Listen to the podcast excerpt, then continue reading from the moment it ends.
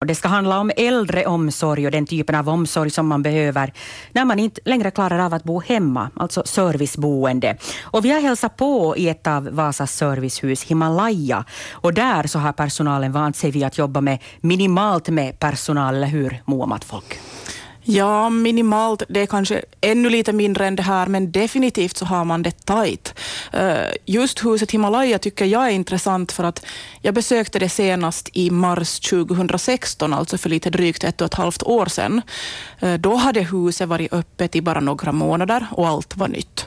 Byggnaden var ny, de boende var nya, vårdarna var nya och arbetskulturen var ny. Nu har man alltså hunnit jobba på ett tag, ett och ett halvt år har gått, så jag ville besöka det på nytt och se vad som är annorlunda. Och hade någonting förändrats? Mycket. Uh, man kan kanske säga så här, uh, man har det fortfarande lika tajt och knapert med personal, men vårdarna har hittat tillbaka till sin arbetsglädje. Uh, det som är bakgrunden till det, till det här är att Vasa stad såg sig tvungen att få ner kostnaderna inom äldreomsorgen och det bestämdes att det här nya huset Himalaya skulle gå med i ett så kallat kommunförsök.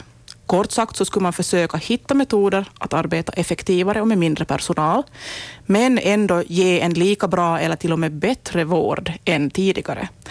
Och då jag hälsade på där då för första gången, då var man nog väldigt kritiska till det här. Vi kan ta och lyssna på Eh, en närvårdare, Nina Julin. Henne träffade jag då både för ett och ett halvt år sedan och nu igen. Och så här säger hon om den där första tiden. Då jag tänker på den tiden, just ett och ett halvt år sedan, så jag vill inte ens tänka det. Det var nog jobbigt, jag måste säga, det där början.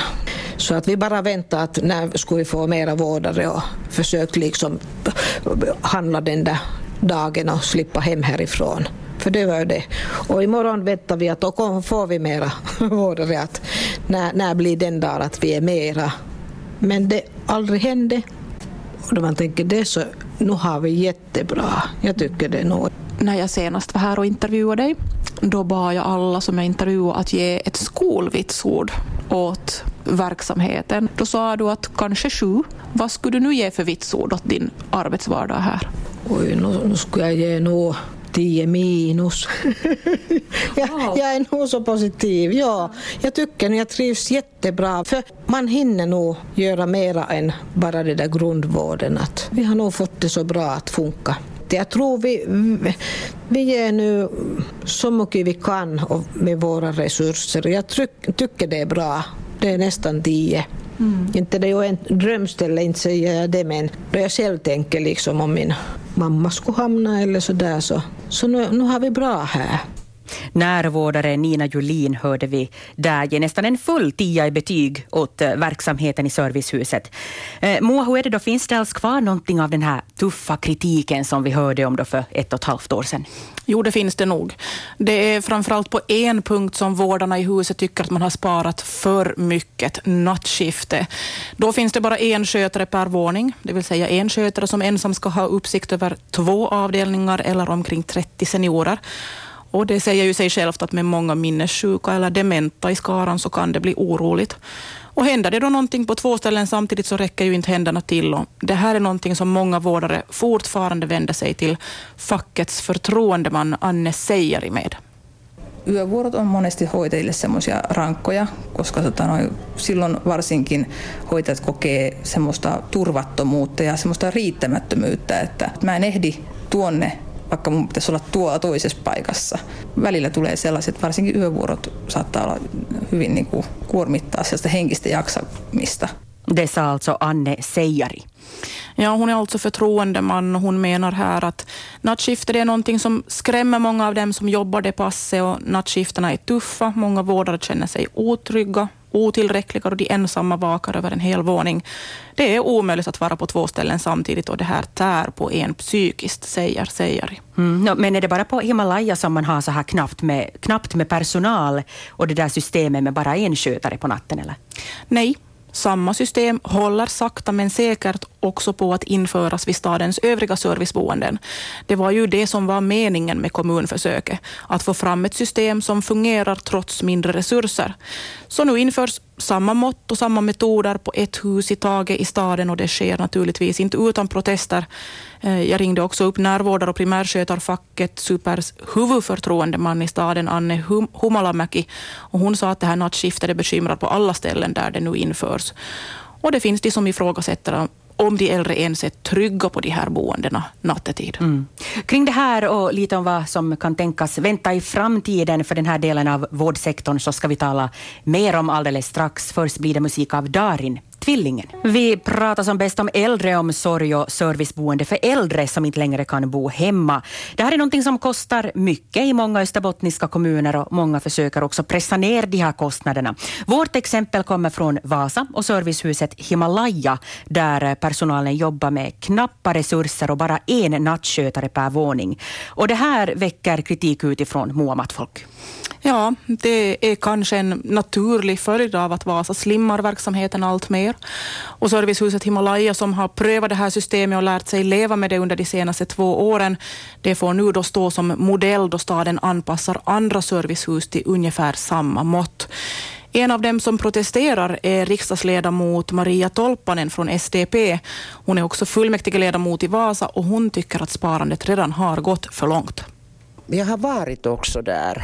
Och arbetare som, som är där har sagt så att nu är det lite rätt därför att att eh, det väntar tiden att på nätterna där är bara en sjuksköterska eller nattskötare. Och det är för lite därför att om det har två våningar var det måste vara och det kan vara bara i ett och sen om det finns 20 eller 30 patienter så är det för lite. Om det händer någonting, en sjuksköterska kan inte hjälpa jag har tänkt att eh, om någon kan falla, en person kan göra ingenting. Det som Maria Tolpanen sa här är alltså att hon har pratat med vårdare som är rädda, om jag förstod henne rätt. Ja, så sa hon. Hon har alltså nyligen besökt ett av de servicehus i Vasa som mera nyligen då har gått in för systemet med bara en nattskötare. Och hon har pratat med oroliga vårdare. Från stadens sida så har man skrivit avtal med en vaktfirma där det också ingår att skötare kan kalla på vakt om det uppstår akuta lägen där man behöver få hjälp. Och det här anser Tolpanen är ganska dumt nej, nej, det kan inte vara så. Om det är så jag, jag tycker att det skulle vara liksom en försummelse. Mm, mm. Det, det, är så att äh, gamla, gamla person, det måste, om det, om det bor där, det bor där och det betalar, så är det så att när det behöver hjälp, det måste komma genast. Det sa alltså Vasa socialdemokraten och riksdagsledamoten Maria Tolpanen. Och hon säger att den här resursfrågan den är någonting som hon tänker föra till diskussion i fullmäktige, att man måste hitta andra sparobjekt än äldreomsorgen. Mm, och vad säger de som är ansvariga vid Vasa stad om allt det här? Ja, jag träffade chefen för serviceboende vid Vasa stad, Annika Ikkala Västi, och hon sa att det är ganska orealistiskt att tänka sig att staden skulle få mera resurser för den här sektorn. Tvärtom så finns det ganska gigantiska utmaningar framför, sa hon. Om bara några år, då har vi vård och landskapsreformen här och då kommer stadens service sannolikt att befinna sig i någon typ av konkurrenssituation med de privata företag som redan finns här och erbjuder vårdplatser för äldre. Sotea ajatellen kaupungin yksiköt tulee jollain tavalla olemaan kilpailuasemassa todennäköisesti yksityisten kanssa. Mutta sitten on fakta se, että jos yksityinen palvelun tuottaja tarjoaa palveluasumista hintaan 110 euroa per päivä, kaupungin hinta on suunnilleen 135 euroa per päivä. Mistä maakunta ostaa. Det sa Annika Ikkala Västi. Ja, de privata har slimmat ner kostnaderna så att vårddygn kostar cirka 110 euro medan stadens prisnivå ligger på 135. Hur går det här ihop? Ja, hur går det ihop? Risken som Annika Ikkala Västi ser, det är att då landskapet sen köper tjänster så väljer man de privata och Vasa stad blir kvar med Svarte Petter. Annika Ikkala-Västi sa till mig att hon aldrig vill se äldreomsorg i Vasa stads regi som görs med mindre än 0,6 vårdare per klient. Det här kan du jämföra med 0,65. Det är nivån i servicehuset Himalaya just nu. där de alltså redan har bantat ner till det som de själva tycker är en smärtgräns. Och så kan man jämföra det med 0,5 som är nivån hos många privata.